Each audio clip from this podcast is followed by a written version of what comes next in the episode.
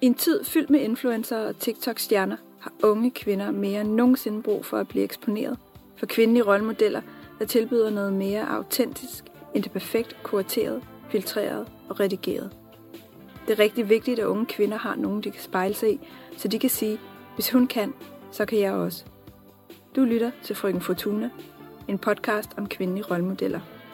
Den her podcast ønsker at støtte unge kvinder og bidrage med adgang til en forestilling om, hvem de kan være og hvad de kan blive.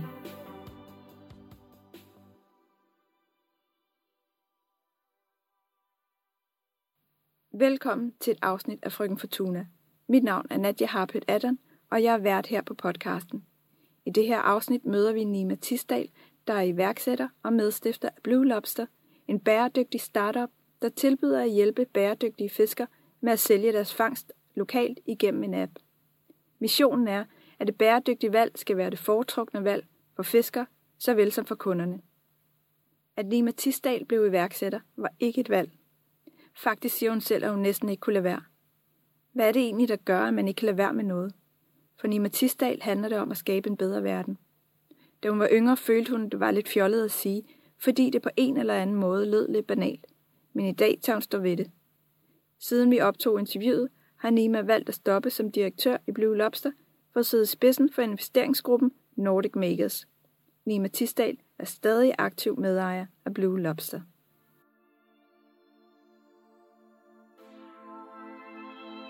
Nima, hvad betyder succes for dig? For mig tror jeg, at succes er at have gjort en positiv forskel i nogle andres liv. Øhm, sådan helt, helt overordnet. Det tror jeg, det er det, jeg bygger hele mit liv omkring, er at skabe en positiv forandring i den verden, vi lever i. For jeg tror virkelig, det er den største gave, men altså, ikke, altså også man kan give sig selv på en eller anden måde, øhm, og være med til at skabe en bedre verden.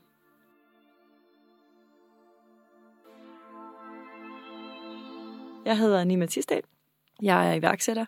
Jeg har været med til at starte Blue Lobster, som er en bæredygtig øh, startup, der, har, der arbejder med at hjælpe bæredygtige fiskere med at sælge deres fangst lokalt gennem en app. Øhm, så det startede vi tilbage i 2019, og har kørt det, hvor jeg har været direktør. Øhm, jeg er lige trådt ned som direktør faktisk, så min medstifter har overtaget det.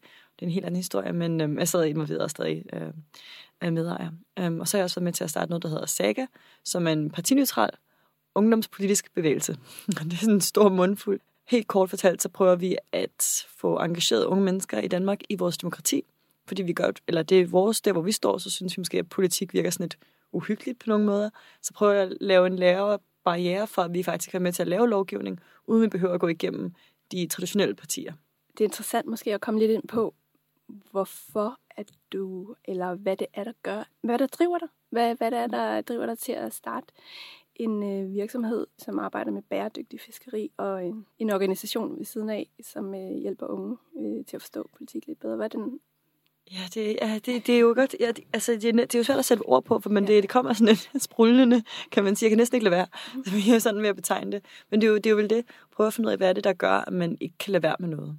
Um, og jeg, kommer, jeg tror, det kommer tilbage til succes ideen omkring at, at, at lave en positiv forskel. Og det skal også siges, at det er 100% ikke den kriterie, jeg har haft i hovedet hele tiden, hele mit liv. Det har taget tid at, at finde ud af det, det jeg synes er succes. For vi bor i en verden, hvor, du nævnte også før vi gik i gang med interviewet, at der er nogle succeskriterier, der, der kunne være at være chef for mange mennesker, eller tjene en masse penge, eller det ved jeg, have mange følgere på sociale medier. Ikke? Altså, mm. man kan virkelig være optaget af mange succeskriterier, som andre folk ligesom pådytter ind. Så jeg tror også, del af det der med at vokse ind i sin egen person igennem sin ungdom, det er ligesom også at finde ud af, hvad er det, der gør noget for dig. Og også at stå og tør, altså, tør at stå ved det. Og sige, altså for mig, nu tør jeg godt sige, at det, jeg går op i, er at gøre verden til et bedre sted der er lang tid, hvor jeg følte, det var lidt fjollet at sige, for det lød sådan lidt banalt på en eller anden måde. Men det er virkelig det, jeg arbejder for. Det er virkelig det, der får mig op af sengen om morgenen. Det, det, jeg synes, det er helt vildt imponerende, for jeg er ikke i tvivl om, at mange af os gerne vil, at verden bliver et bedre sted at leve for os og vores efterkommere. Mm. Men det der med så gå ud og gøre det, ja. altså, det, er jo, det er jo det, der er det, det særlige. Ja. Altså, og, og få modet til at, at at gøre det. Øhm, hvor tror du, du har det her mod fra? Jamen, jeg tror, at øhm, det, det er jo nok, fordi jeg har set andre folk har, altså, øhm, gå ud og gøre noget. Om det så er det jo ikke lige det samme. Jeg har ikke set nogen andre starte en fiskeapp. Men øhm, jeg har set nogle andre folk øhm, have en idé, og så bringe den ud i verden. Og på en eller anden måde, så tror jeg, at det der ved at se folk gøre ting, øhm, og få idéer til at leve derude, jamen, når man først har set det et par gange, og man lige har oplevet det første gang på egen krop, så tror jeg, det bliver nemmere. Hvert eneste projekt derefter bliver nemmere, fordi man, man ved faktisk godt, okay, hvis jeg skal have noget i gang, så skal jeg virkelig bare øh, tage det første skridt. Jeg skal lige tage telefonen og ringe til en eller anden. Jeg skal lige spørge nogen, synes jeg, det her er en god idé. Og så lige pludselig begynder der at bygge ting. Øh, men det er selvfølgelig en helt vildt sjov oplevelse første gang, man står i det, og, og kan se, at ens tanker faktisk bliver til en realitet. Øhm, og man står længe bagefter og tænker, hold nu kæft, hvordan kom det her til? Fordi man kan ikke nødvendigvis helt øh, selv genkende, at man har været med til at bygge hver eneste del af det.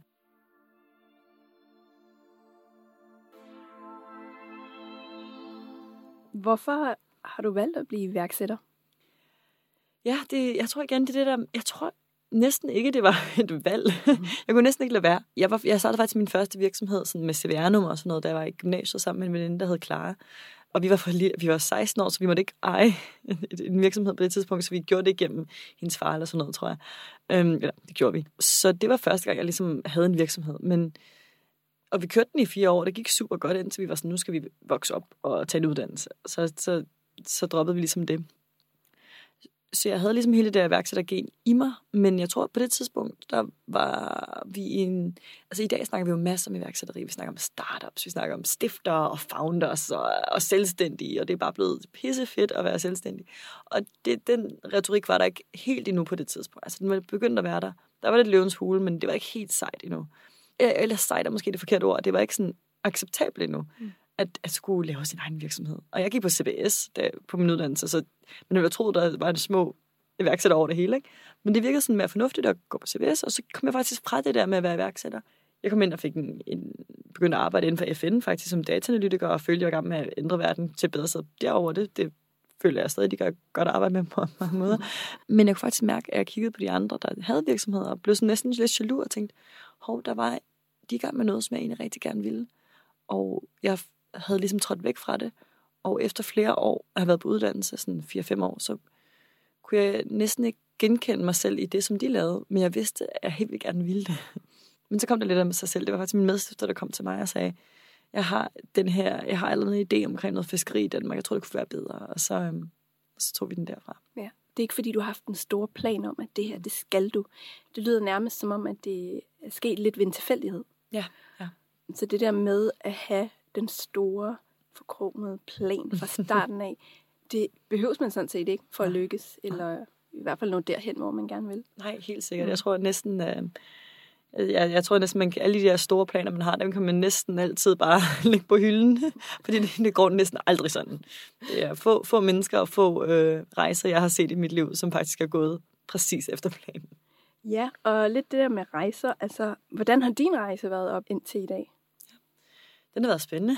Den har også været over det hele. Øhm, jeg gik fuldtid ind i Blue Lobster, vores startup, da jeg i januar 2020. Vi rejste en investering, øhm, altså vi fik penge fra nogle investorer i februar 2020, og hele vores platform var givet mod restauranter, der så lukkede ned i marts 2020. så ja, så det har været en, øhm, det har været en, en hård omgang, vil jeg sige, men øhm, også super lærerig, og det, altså for vel, havde den været benhård. Altså, og vi har virkelig, virkelig, virkelig kæmpet for at kunne holde på de øh, ansatte, vi havde, og for at kunne holde forretningen kørende, men det er ikke noget, jeg vil være for uden i dag. Fordi at, øh, ja, jeg føler nu, for det første føler jeg virkelig, at jeg har sådan earned my stripes. men, øh, men derudover, så, øh, så, så lærer man jo helt vildt meget i modgang. Så, så hvis man lige kan sådan, sådan, ah, lige tage dyb indånding og vide, sådan, når vi kommer ud på den anden side, så bliver jeg så meget klogere af det her. Så, øh, er det noget, du har fået hjælp til, eller har du selv ligesom, øh, altså hed dig selv op, eller hvordan? Jeg, jeg tror, jeg havde, øh, i forhold til, til det punkt, så havde jeg en god partner i min medstifter. Altså, der var alle mulige ting, som på mange måder ser vi verden meget forskelligt, og det tror jeg, nogle gange kan være en god ting, når man starter virksomhed sammen. Men, men jeg tror, vi begge to havde sådan en attitude, at vi ikke ville give op. Og så selv når, når folk omkring os var sådan, åh, ej, piger, altså. Øhm, vi, vi var totalt stedige, og er det stadigvæk i dag. Altså, og det tror man skal have i sig. Man skal have den der øhm, stedighed. Jeg tror faktisk, de, de lavede noget forskning på, hvad gør, at nogle folk får succes inden for erhvervslivet, og de har fundet ud af, at grit på engelsk, som sådan, oversættes sådan cirka til udholdenhed, er faktisk den største faktor. Altså ikke, hvor mange penge du har, eller hvor klog du er, hvilket netværk du kommer fra. Det er, at man bare ikke giver op. Så du har en høj tærskel af udholdenhed, eller? Ja, ja. ja og jeg tror, jeg tror, jeg er typen, når jeg kan faktisk... Der, hvor jeg er tættest på at give op, det er, når tingene går godt. Altså, for at være helt ærlig, så bliver jeg sådan lidt, nu keder jeg mig lidt. altså, hvis tingene bare sådan går, går, som de skal, så begynder jeg sådan, og så bliver jeg sådan lidt, uh, distraheret, så vil jeg gerne lave noget andet. Mm. Men øhm, når tingene går slemt, så jeg tror, jeg er totalt sådan en øhm, wartime-person. Ikke? Så altså, når der er noget modstand, så retter jeg ryggen op, og så er jeg effektiv, og så ved jeg, hvad jeg skal, og jeg bliver klar i hovedet, og så er det bare bum, bum, bum, bum, bum. Ikke? Så det, det er måske et personlighedstræk på en eller anden måde. Ja. Men det er i hvert fald det, jeg har lyst til at give mindst op. Mm. Så det er vigtigt at være stadig i en branche som din? Ja, ja, det tror jeg. Og jeg tror, det er vigtigt at være stadig med sine drømme i det hele taget. Når det så er sagt, så noget jeg, nu siger det som en, en relativt stedig person, øhm, har skulle lære, er også, at hvis du for eksempel er ved at starte en virksomhed, og det virker til markedet ikke er der, så er det også okay at give op. så nu, nu arbejder jeg faktisk, efter jeg trådte ned som direktør i Blue Lobster, så nu arbejder jeg også med nogle forskellige mindre projekter ved siden af. Det er også derfor, jeg trådte ned, så jeg kunne det. Og vi har sådan en lille gruppe af startet nogle forskellige projekter op. Og nogle af dem er døde, og nogle af dem lever stadigvæk. Men det, jeg er blevet rigtig god til, det er at gå ud og se, nu har jeg en idé til noget. Nu tester jeg det ude i markedet. Og hvis folk ikke kan lide det, så giver jeg slip. Ikke? Fordi at det der med at lave en følelsesmæssig frakobling mellem dig og det, du laver, det tror jeg er enormt vigtigt. Fordi at du skal kunne høre, når andre folk siger til dig, det her er dårligt. Og så der, der må du ikke blive stedig. Der bliver du nødt til at lytte, når, når, når det er dine kunder og markedet, der siger det. Men hvis det er bare fordi, der er nogle svære omstændigheder, så, ja, så skal man bare knokle igennem. Eller ja, passe på sig selv og, og, og arbejde igennem. Ja, og apropos det at passe på sig selv, hvor vigtigt er den mentale sundhed i, i det, du gør? Altså i det, du laver? Hvor vigtig er den del? Ja, e-, enormt, enormt vigtig. Øhm, og jeg tror, som, i, som iværksætter, så tror jeg noget, som mange undervurderer, det er, at du det at passe på dig selv er faktisk en del af at passe på virksomheden. Fordi at når du er så tidlig, hvis du arbejder i en stor virksomhed, så er der masser af processer og folk, der kan altså, tage fat i bolden, hvis du taber den. Ikke? Men i en lille virksomhed, så, så er det virkelig dig, og det er de mennesker, der er i virksomheden, der driver det. Hvis, hvis, man, hvis man er en team på fire, for eksempel, og den ene forsvinder, så er det faktisk et stort problem. Så, så det der med at passe på sig selv, det er enormt vigtigt, og det kan være svært, når man har en million ting på to-do-listen, at så sige, nu, nu går jeg hjem og passer på mig selv, og tager en aften til, til fjernsyn. Altså, det, det er det sværeste nogensinde. Og jeg snakker med mange iværksættere. Nu jeg er jeg faktisk i gang med at skrive en bog omkring iværksætteri og mental sundhed. Så jeg sidder faktisk og lige snakker med 40 plus iværksættere omkring lige præcis det her emne.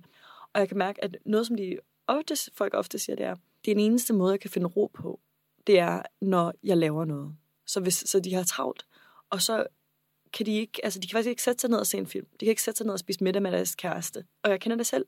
Altså man har tankemøller, og man tænker og tænker og tænker og tænker, og man kan slet ikke, altså det er irriterende, at man kigger på et film, og det er ikke sjovt, og det er ikke hyggeligt. Man sidder bare og tænker, åh, oh, jeg kunne have svaret på fem mails, jeg kunne inden mm. for det.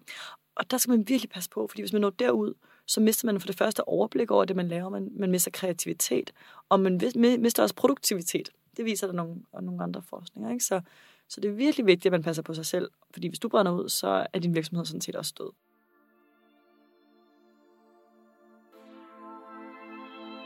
Hvordan passer du på dig selv? Jeg har fået hjælp, vil jeg sige. Jeg vil ikke tage credit for det selv, fordi jeg, jeg tror, jeg var nået til et punkt, hvor jeg var, jeg var ikke brændt ud, men øh, jeg havde det ikke godt. Mm. Øhm, så ja, jeg startede snakke med en, øh, ikke engang en coach, men sådan en mentorperson, som sagde, for nu af må du ikke, du skal, du skal gå fra arbejde klokken syv hver dag. Og det var tidligt for mig på det tidspunkt. Okay. Det er sent for mange mennesker, men øh, jeg kan huske, at jeg kom ud af kontoret den, den første dag, hvor jeg gik klokken halv syv. Og jeg vidste vidt ikke, hvad jeg skulle lave med alle de timer. Jeg var sådan, og det gik også op for mig, kæft, det her er lidt, øh, det er lidt fucked up. jeg har det sådan her. Fordi at alle mulige andre mennesker går fra arbejde klokken 4, 5 og 6, og jeg kan så her klokken 7 og ved ikke, hvad jeg skal gøre med mig selv. Og nu går jeg faktisk fra på klokken 6, hvis jeg kan det. Jeg få lov til det, og jeg arbejder ikke i weekender. Og, og så er det med at få nogle gode vaner. Altså at sætte nok tid af til at gøre de ting, du har brug for. Og jeg tror, at det der med at, øhm, at beslutte sig for, at man kommer til at arbejde færre timer i en uge, det er faktisk virkelig godt for ens produktivitet, fordi at det betyder, at jeg sætter mig hver uge og siger, at nu har jeg kun så og så mange timer at arbejde med. Derfor kan jeg kun skal lave altså færre ting, forhåbentlig bedre. Øh, men det betyder også, at jeg prioriterer rigtig, rigtig, rigtig meget. Og jeg, jeg, jeg synes, jeg eksekverer på et højere niveau nu, end da jeg arbejdede mange timer. Øhm, så det der med måske at adskille arbejdsliv og privatliv har været vigtigt for dig? Jo, helt sikkert. Mm. Og det har givet dem en ro og noget overblik. Og altså, det er til et punkt, hvor sådan, jeg, var, jeg var nede og blive waxet forleden, og min waxet var sådan, du ser helt rolig ud de her dage, du ser så glad ud. Og sådan, åh oh, tak. Og så, men så, altså, det er sådan set alle i min omgangskreds, der er kommet med sådan nogle kommentarer, hvor at, øh, øhm, jeg kan mærke det mig selv, og jeg, kan, jeg mærker, at jeg bliver bedre til at tage beslutninger, og jeg bliver bedre til at tage de rigtige beslutninger. Mm. Og jeg vil lige hurtigt sige, at, ja. at, at tilgive sig selv, den tror jeg også er vigtig. Mm. Fordi nu har jeg, jeg har været til sådan en lille har sådan en lille liste af ting, jeg gør. Så nu skal jeg altså sådan noget med... På daglig basis? På, på, noget af på daglig basis, ja. Så noget, altså jeg, jeg kører sådan nogle dopamine detoxes en gang om en, en uge om måneden, hvor at, så er jeg ikke på sociale medier, jeg mediterer hver dag, jeg øh, har stort set ingen skærmtid, bortset fra, når jeg skal arbejde. Generelt så har jeg sådan nogle regler, som jeg slår mine notifikationer af ved, ved Instagram for eksempel, så jeg kan ikke se, når jeg, hvis, jeg, hvis der kommer nogle ting ind. Det kan også være stressende. Det kan virkelig være stressende, det der med... Ja. Øhm, og det går for mig med, jeg skal nok gå ind og tjekke Instagram en gang om dagen, det er fint. Men altså at sætte timers på alle mine sociale medier, det er sådan en generel ting. Men ja, jeg har en masse altså små gode venner, jeg prøver, jeg forsøger at gøre. Og for eksempel, at jeg går, går fra arbejde klokken 6, og hvis jeg, hvis jeg skal arbejde senere, så skal jeg, lægge, så skal jeg tage tid fra på den her tidspunkt, og jeg skal have fri weekenderne, og jeg skal have en mødefri dag. Der er sådan nogle regler, jeg har lavet. Men det der med at tilskive sig selv, når man så ikke gør det, det er også okay. Altså, fordi jeg, jeg havde en dag, og så kom, der var en uge, det var bare en presset uge, der skete en masse ting. Og så stod jeg bare og slog mig selv i hovedet til sidst, og var så sur på mig selv, fordi at jeg ikke havde gjort det ordentligt. Øhm, jeg havde ikke lige fået lavet min ansigtsrutine om aftenen, eller et eller andet, som bare er sådan en rutine, jeg gør for at slappe af. Og jeg havde ikke mediteret ordentligt, og jeg, bare, bare, jeg blev så sur på mig selv, og så er jeg sådan, nej, ved du hvad, det der med, at hvis du har været god til at øhm, gå hjem fra arbejde og passe på dig selv i 30 dage træk, og du så glipper det to dage, så starter du ikke forfra. Altså, det er okay du skal give plads til det, at du også ikke er perfekt hele tiden. Ja. ja. Og det der med, at det skal nok gå. Ja, det skal, ja, ja, præcis. Fordi jeg sad også og tænkte på, jeg kan ikke huske, hvornår det nogensinde har hjulpet mig at slå mig selv oven i hovedet. Mm, mm-hmm. Altså, det er tværtimod. Lige præcis. Ja. Det er det, så det er det med selvkærlighed, mm. og, og, og unde sig selv, at man og, og accepterer, at man gør, man gør sit bedste det meste af tiden ofte. Ikke?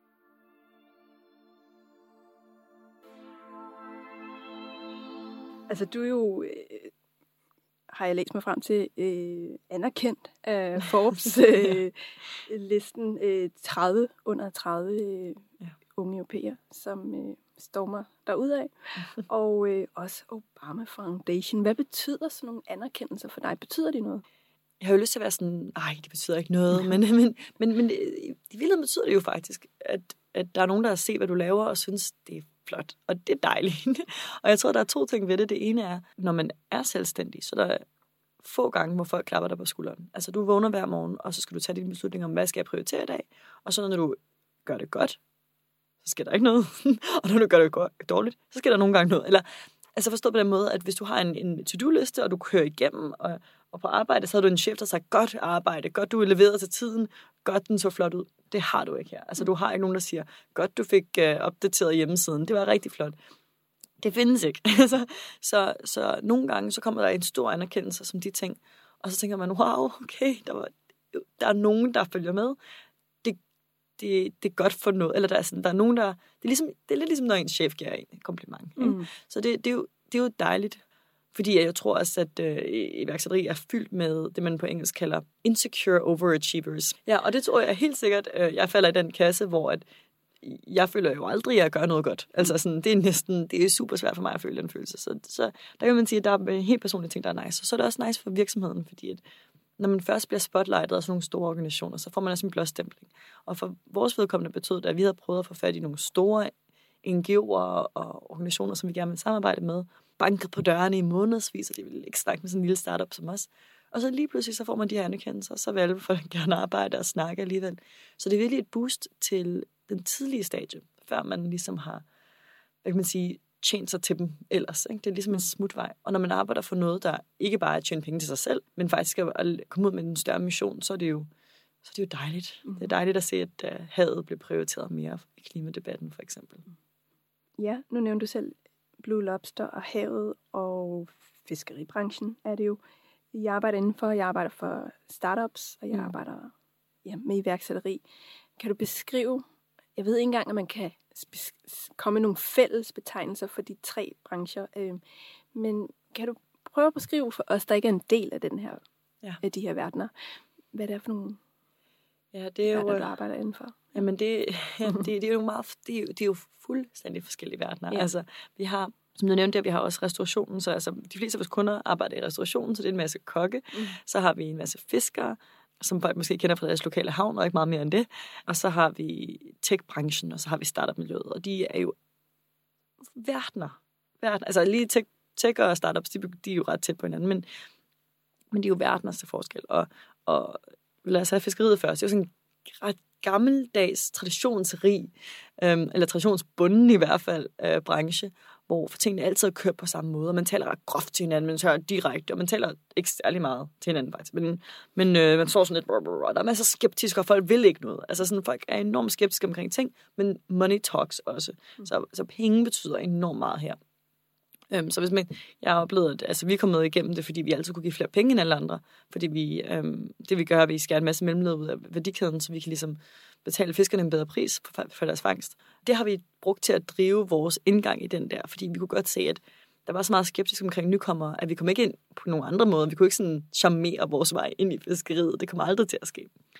Så har vi restaurationen, og øh, det er også et hårdt miljø på mange måder. De, altså kokkene arbejder røven ud af bukserne, så de er hele tiden stressede, de er hele tiden presset, de har aldrig tid nok. Så der skal man bare heller ikke bruge for meget af deres tid på noget. Samtidig så kan de godt lide stories, de kan godt lide at fortælle gode historier til deres kunder, de går enormt meget op i råvaren, så det bliver sådan en, på en eller anden måde en enormt emotionel historie. Det er også en, en branche, hvor der florerer alle mulige forskellige myter og sådan noget omkring ting, så man skal altid sådan lige fact-checke folk, når, når de sidder og snakker om bæredygtighed. Og så har vi, vi tækker værksætteri, og der går tingene hurtigt, og der skal man bare have omsætning, og der skal man blub, blub, blub, og det, man skal ud og vise sig, og, og det, det, det, er sådan en stor modsætning i fiskeriet for eksempel, for der skal man jo ikke vise sig frem for meget. Altså det er, sådan, det er ret uschammerende i den branche, hvor at i startup-verden, så det er vigtigt, at man går ud, og man profilerer sig, man stiller på sådan nogle scener og sådan noget. Så ja, det er en underlig, underlig kombination at skulle leve i, i de, de verdener.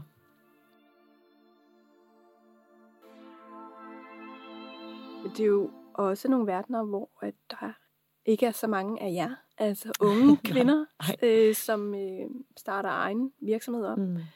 Tror du, dit køn har været kim til den, den succes, I har opnået indtil videre? Ja, altså jeg tror, det har været, det har- har været unægteligt en stor del af det. Mm. Altså, men det er fordi, at øhm, og vi tænkte ikke over det, da vi startede. Det vil jeg ærligt sige. Altså, vi så os selv som mennesker, som, som gerne ville noget. Og så gik vi i gang med det, vi gerne ville, som var at, at forbedre fiskeriet. Og så blev altså, igen lige for at pensle de forskellige brancher op, det der sker i fiskeriet er jo, at folk bare siger, der hører ikke kvinder til her. Og det er sådan, det er meget direkte på en eller anden måde, og det er meget håndgribeligt, og jeg har ikke så meget, eller jeg har selvfølgelig noget imod det, men altså, det, men, men, så siger man bare, jo, det har jeg, jeg er her, og jeg, jeg bliver ved med at være her, så øh, find dig i det. Lev med det. så, så der, øhm, der, der er det meget lige på. Øhm, restaurationen, det er sådan lidt mere, det er sådan lidt mere sexede kommentarer, altså, når jeg er kvinde, blah, blah, blah, så skal man lige, ah, lige en klap i røven, og blah, blah, blah. men så laver det sådan lidt mere rulle med øjnene, og så, og det, det er sådan mere, at man tager lige en, en hey Michael, helt ærligt, den der kommentar, ikke? Not cool. Vi er 2023. Videre. Men det er også sejt, at du øh, er i som Mm.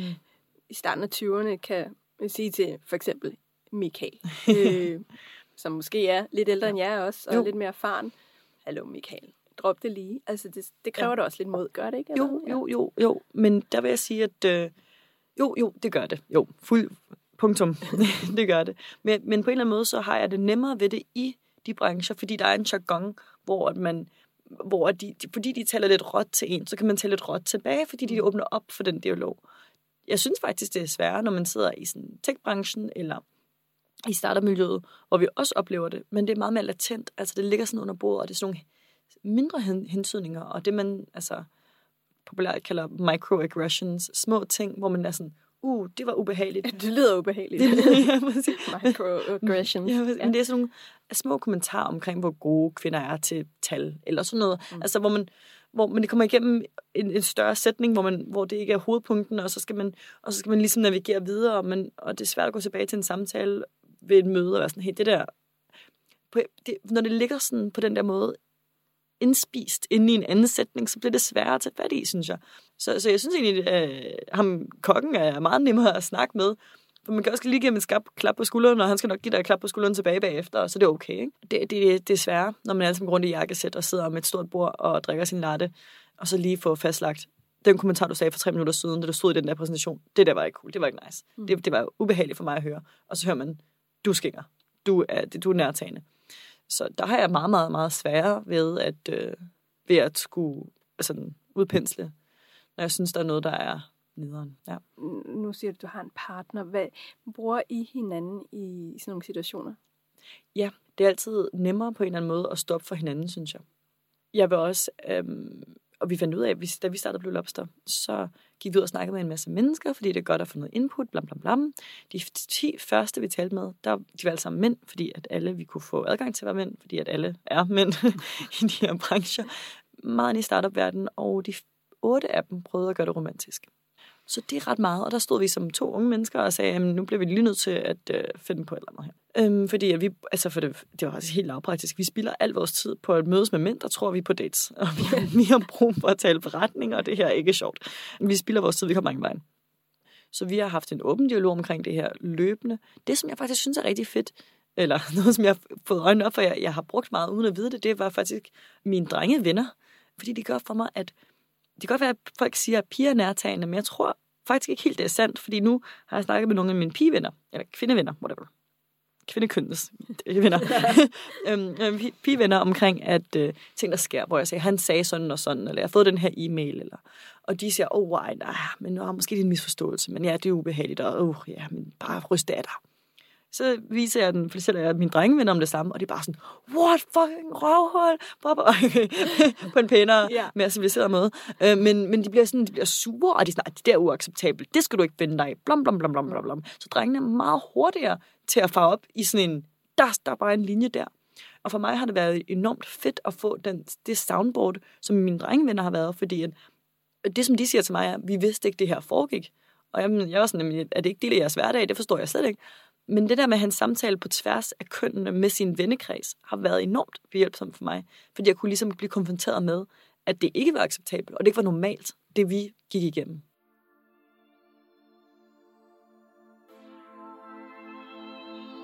Er det stadig noget, jeg oplever i dag? ja, ja, ja, det er Også det. som en etableret... Øh, meget mindre. Jeg vil sige, ja. altså, det vil jeg sige meget, meget mindre, og det gør mig kun mere skuffet. altså på en eller anden måde. Det gør mig mere skuffet, det gør mig skuffet at se, hvordan folk talte til mig for tre år siden. Det gør det. Jeg kigger tilbage på mig selv og siger, hold nu kæft, hvor fandt du dig i meget, ikke? Men, og det kan jeg da mærke, som, som vi snakkede om før, det der med alle de blåstemplinger, vi har fået, al den anerkendelse, vi har fået, det har også gjort, at vi er blevet løftet op på et punkt, hvor at folk respekterer os mere, hvor de ser os som en forretningsmulighed frem for en romantisk mulighed, for eksempel, men, men også bare har en anden respekt for os. Det er ikke for at sige, at det ikke stadig sker, for det gør det. Men det gør mig bare endnu mere irriteret, fordi jeg er sådan, det er jo ikke, det er jo netop, når man er ny, at man ikke kan, eller har svære ved at stå for sig selv. Fordi man er måske mere brug for de folk. Man kan måske være super hård ved en kunde, der taler grimt til en, fordi man har brug for kunden. Altså, det er ens indtægt. Altså, hvis man driver en forretning, så handler det jo om at få penge ind i væksten. Så når man er helt, helt ny, så har man jo ikke mulighed for at sige, jeg har ikke lyst til at arbejde med dig, for jeg kan ikke lide den måde, du taler til mig på. Det har man, når man kommer længere længere ind i processen, har lidt flere penge i banken og sådan noget. Ja. I forbindelse med det, du lige har sagt, så kunne jeg godt tænke mig at høre, om du har et eller flere gode råd mm. til dit yngre jeg. For eksempel, da I øh, gik ind i branchen og startede ja, som iværksætter. Ja. Jamen, øh, et par gode råd. Nu bliver de faktisk, de bliver lidt bløde. de bliver lidt bløde. Men den ene er at stole på dig selv. Og blive rigtig god til at få ekstern input, men at lade dig selv drive beslutningerne. Fordi at jeg nåede til et punkt, hvor jeg spurgte alle eksperterne, og så gjorde jeg bare, hvad alle eksperterne sagde, for jeg troede, det var det rigtige, men jeg mistede mig selv i det, fordi jeg mistede ligesom min, min version.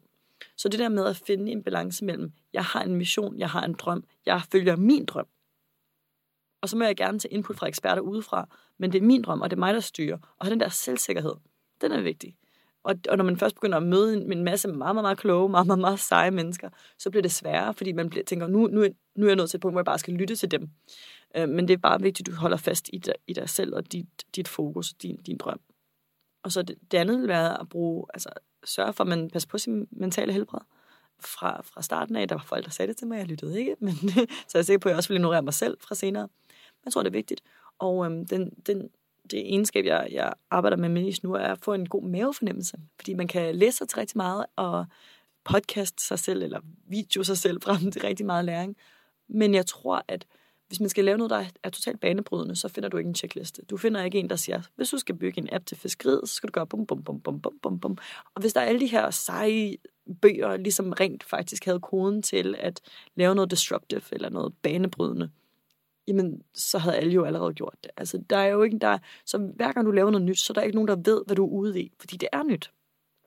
Men det, som du skal blive god til, er at sådan lytte til din maves fornemmelse og zone ind, fordi det er også noget, jeg ser, at man bliver bedre til, som ja, i forhold til det, jeg sagde nu, og når man har mere overskud, og man har mere plads i hovedet til at mærke efter, og, og nogle gange kommer sådan en intu- intuition frem, og man ved ikke helt, hvor den kommer fra, men lyt til den, fordi det er det, der gør dig den rigtige person til at udføre det projekt. Det er den der lille mavefornemmelse, og den der lille stemme, som siger til dig, at du skal gå til højre, så gå til højre. Gør det.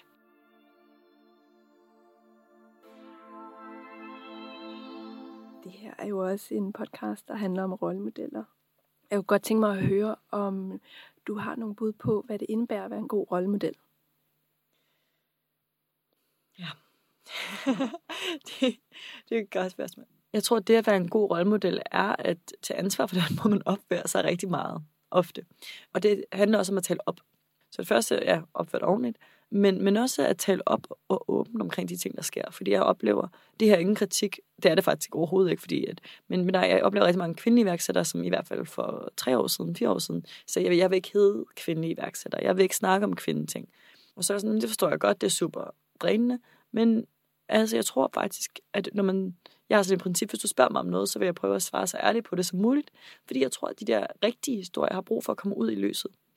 Så den næste generation af unge kvinder, der gerne vil hoppe ud i det felt, har en forståelse, hvad det vil indebære. Så ærlighed, rigtig meget ærlighed, øhm, det tror jeg er vigtigt. Og jeg tror, at nogle folk, som måske antager sig selv som rollemodeller, godt kan miste sig selv lidt i det billede af dem selv, og lade egoet tage over. Og det kan jeg godt forstå, fordi når man først har folk, der kigger på en, så vil man gerne fremstå på en vis måde perfekt. Men det er der ikke nogen mennesker, der er, og jeg tror, man kommer længere med at fortælle sandheden. Selvom det måske er mindre flatterende. jeg tror, du har ret. Har du selv haft nogle rollemodeller? Jamen, jeg, jamen, folk har spurgt mig rigtig meget, og jeg mm. tror, at det, som jeg har øhm, i forhold til rollemodeller, er, at jeg, jeg, jeg tager rigtig mange små ting fra forskellige mennesker. Så jeg har ikke en, en, en rollemodel, som jeg, som jeg tilstræber at være ligesom til gengæld. Og det tror jeg går tilbage til min hele min tankegang omkring, at du kan ikke, du kan ikke læse dig, du kan ikke, du kan ikke lære dig til den perfekte guide. Du bliver nødt til at mærke dig derhen. Men jeg tror, at det, som jeg ligesom gør, jeg kigger på folk, så kigger jeg på sådan en som Richard Branson, som er stor iværksætter, og jeg tænker, han virker som om, han har det sjovt. Han går sådan kitesurfing hver morgen. Det virker mega... Kan lige sige kort, hvem det er? Nå ja. Så Richard Branson, han, har, øhm, han er iværksætter, han har, tror jeg, et følge over 300 selskaber nu, og har lavet Virgin Records, og jeg tror, han har lavet um, Rolling Stones Magazine, og sådan nogle han ejer en ø, eller Han ejer en ø, præcis. Men det er, han ejer en ø, som man bor på sammen med sin familie, så har han et ekstra hus, hvor alle mulige kendte kan ned og bo. Og jeg er bare, og han kitesurfer hver morgen, og jeg tænker, nej, hvor ser du bare ud, som du nyder livet. Og der er så mange af de der værksættertyper, der har de der, de der mange virksomheder og masser af penge, og, blablabla, og de virker bare totalt ned, nedtur hele tiden. Altså, de virker hele tiden, som om de er trætte, de virker tørre, sådan, ja, sådan en rigtig tør kiks, ikke? en type. Hvor at Richard Branson virker som om, han bare har det sjovt. Og jeg var sådan, okay, det er også okay at have det sjovt. Man kan godt være seriøs, stor forretningsperson og have det sjovt samtidig. Og så sådan en som Margrethe Vestager, som er taget til EU, og nu tager sådan nogle kæmpe giganter gigantiske tech-virksomheder på sig i forhold til lovgivning. Hvor jeg tænker, hvor finder hun den, altså, hvordan tør hun? Fordi det er noget, som de fleste politikere ikke tør. Altså, de tør ikke altså, de stille de der store krav. Men igen, når jeg kigger på for eksempel Margrethe Vestager og Richard Branson, så tænker jeg ikke, at jeg vil være dem. Men jeg tænker, den del af dem, den vil jeg gerne prøve at tage ind. Så jeg vil gerne have det sjovt, ligesom Richard, og jeg vil gerne være courageous og modig ligesom Margrethe Vestager. Så på den måde, så begynder jeg sådan at samle til bunke hos alle mulige forskellige mennesker. Og det kunne være nogen ligesom dem, som er velkendte. Det kunne også være altså, min fætter. Altså, ja. ja. Men også i forbindelse med det her øh, projekt, har jeg jo også selv tænkt over, hvem, har jeg haft nogle rollemodeller, eller hvem er mine rollemodeller? Og jo, jeg har en veninde, som ja. jeg faktisk ja. også anser som en, en rollemodel. Ja. Jeg synes, hun gør et skide godt stykke arbejde, både sådan på det personlige plan, men også professionelt. Men så også i kraft af alle de her kvinder, jeg har talt med undervejs, i alle sammen inspirerende hver især, og man kan netop tage mm, ja. de dele, som man føler, man kan bruge til noget, ja. og, og så altså modellere det til ens eget, ikke? Jo, præcis. Altså. Og nu når vi sidder og snakker om det, så synes jeg egentlig på en eller anden måde også, det er en, det er en fin, sund måde at kigge på rollemodeller, fordi det, det bliver ikke sådan man bliver ikke sådan fan af nogen på den måde, hvor at, jeg, jeg tror altså, hvis man, hvis man bygger nogen op i hovedet til at være så store, så kan de kun, altså, så kan man kun disappoint på en eller anden måde. Ikke? Så kan det altid kun være en, at det der, hvis man begynder at kigge på nogen og siger, at de er bare gode til alt. Og så møder man dem, og så de er ikke særlig gode til at drikke kaffe. Eller så. Jamen, præcis. Altså, eller andet. Så er de socialt handicappet. Ja, præcis. Andet, Fuldstændig, ja, præcis. Ja. Og, det, og det møder jeg, altså jeg, jeg møder faktisk folk, der siger, men, altså, jeg, jeg ser op til dig, og jeg tænker altid sådan, jeg håber virkelig ikke, det er for meget. Altså, fordi at ellers you're about to go in for a huge disappointment, my friend. um, ja, så... Um, altså, jeg tænker, det, det, er en, det er en menneskelig måde at vide, at der er ting, der er seje ved en person, og så, og så er det måske bare det, man tager fra dem, mm. og ikke, at man tænker, nu er de din perfekte person. Nej, man, den... behøver, man behøver netop ikke at prøve at efterligne vedkommende. Præcis, mm. præcis. Mm. Og det er måske ikke 100% af deres menneske, der er øh, rollemodelsværdig. Nej, men som du også selv sagde, vi er jo alle sammen fejlbarlige. Altså, mm, ja. igen, vi er jo ikke perfekte.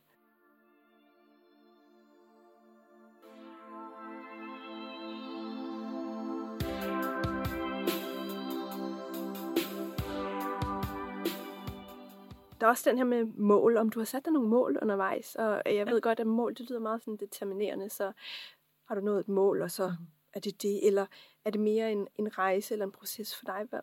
Jo, ved du hvad, jeg, jeg tror faktisk, øh, nu når spørger, så, så har jeg sat mål. Det har jeg, og jeg bruger det faktisk meget. Hver fødselsdag, så sætter jeg mig det antal mål, der så er altså sådan 26-27 mål for det altså, næste år. Altså, altså ud fra, at nu følger du 26, nu følger du 27, lige præcis. så har du 27 mål. Lige præcis, Nå, okay, lige ja. præcis, ja. Mm. Og det må gerne være små mål, fordi det er meget at nå. Men det er bare sådan alt det, jeg godt kunne tænke mig, at det næste år skulle rumme. Og igen, det der med tilgivelse, hvis man så ikke når det, så er det også okay. Men der, der går jeg ind og, og laver noget, der noget af det handler om altså erhvervslivet, noget handler om privaten, noget om, altså det er jo muligt, men også bare sådan en oplevelse, jeg godt kunne tænke mig at have. Noget af det sådan husk at klippe dit hår. Altså sådan, så jeg giver også bare en, jeg, jeg får også nogle lette nogen, men det er okay, når der er så mange, som der er, når man når min alder. og så, i, så, så det, det gør jeg faktisk, men det, men det er enormt tilfredsstillende, fordi at, så kommer man ligesom tilbage, man når ligesom at se, hvor meget man når. Fordi jeg tror ofte, hvis man, ofte har jeg i hvert fald en tendens til, at jeg kan godt flyde ind i en tilstand, hvor jeg tænker, jeg kan nå noget. Og man skal passe på, at, at, at at man skal ikke også sådan overplanlægge og sige, nu skal jeg, den her måned skal jeg det, fordi man skal også nyde at være der in the moment. Um, men på en eller anden måde giver det mig en masse ro, fordi jeg er sådan, jeg er sådan meget urolig person, som, ligesom, som gerne vil opnå alt muligt. Ligesom at, at, at vise mig selv, at jeg faktisk når, når igennem, når i mål med, med nogle af de ting. Og så anerkende, at hvis man har fem mål, så kommer man måske kun i mål med to af dem. Og det er også okay, og det er også skridt imod den større, store drøm, hvad nu end det er. Igen, vigtigt ikke at dunke sig selv oven i hovedet. Præcis, ja. ja. ja altså hvis der er nogen derude, der, der, der er i gang med at lave en startup, så brugte vi også rigtig meget mål i starten i forhold til, hvad, hvad ser der rent faktisk for interesse. Så Christine og jeg, øhm, eller Christine kom til mig med den her idé, og vi begyndte at kigge på den sammen og begyndte at udforme den. Og så sagde vi, hvis folk synes, det er en god idé inden for de næste tre måneder, så, så fortsætter vi. Så havde vi tre måneder til det, og hvis de ikke synes det, så vil vi gå fra projektet.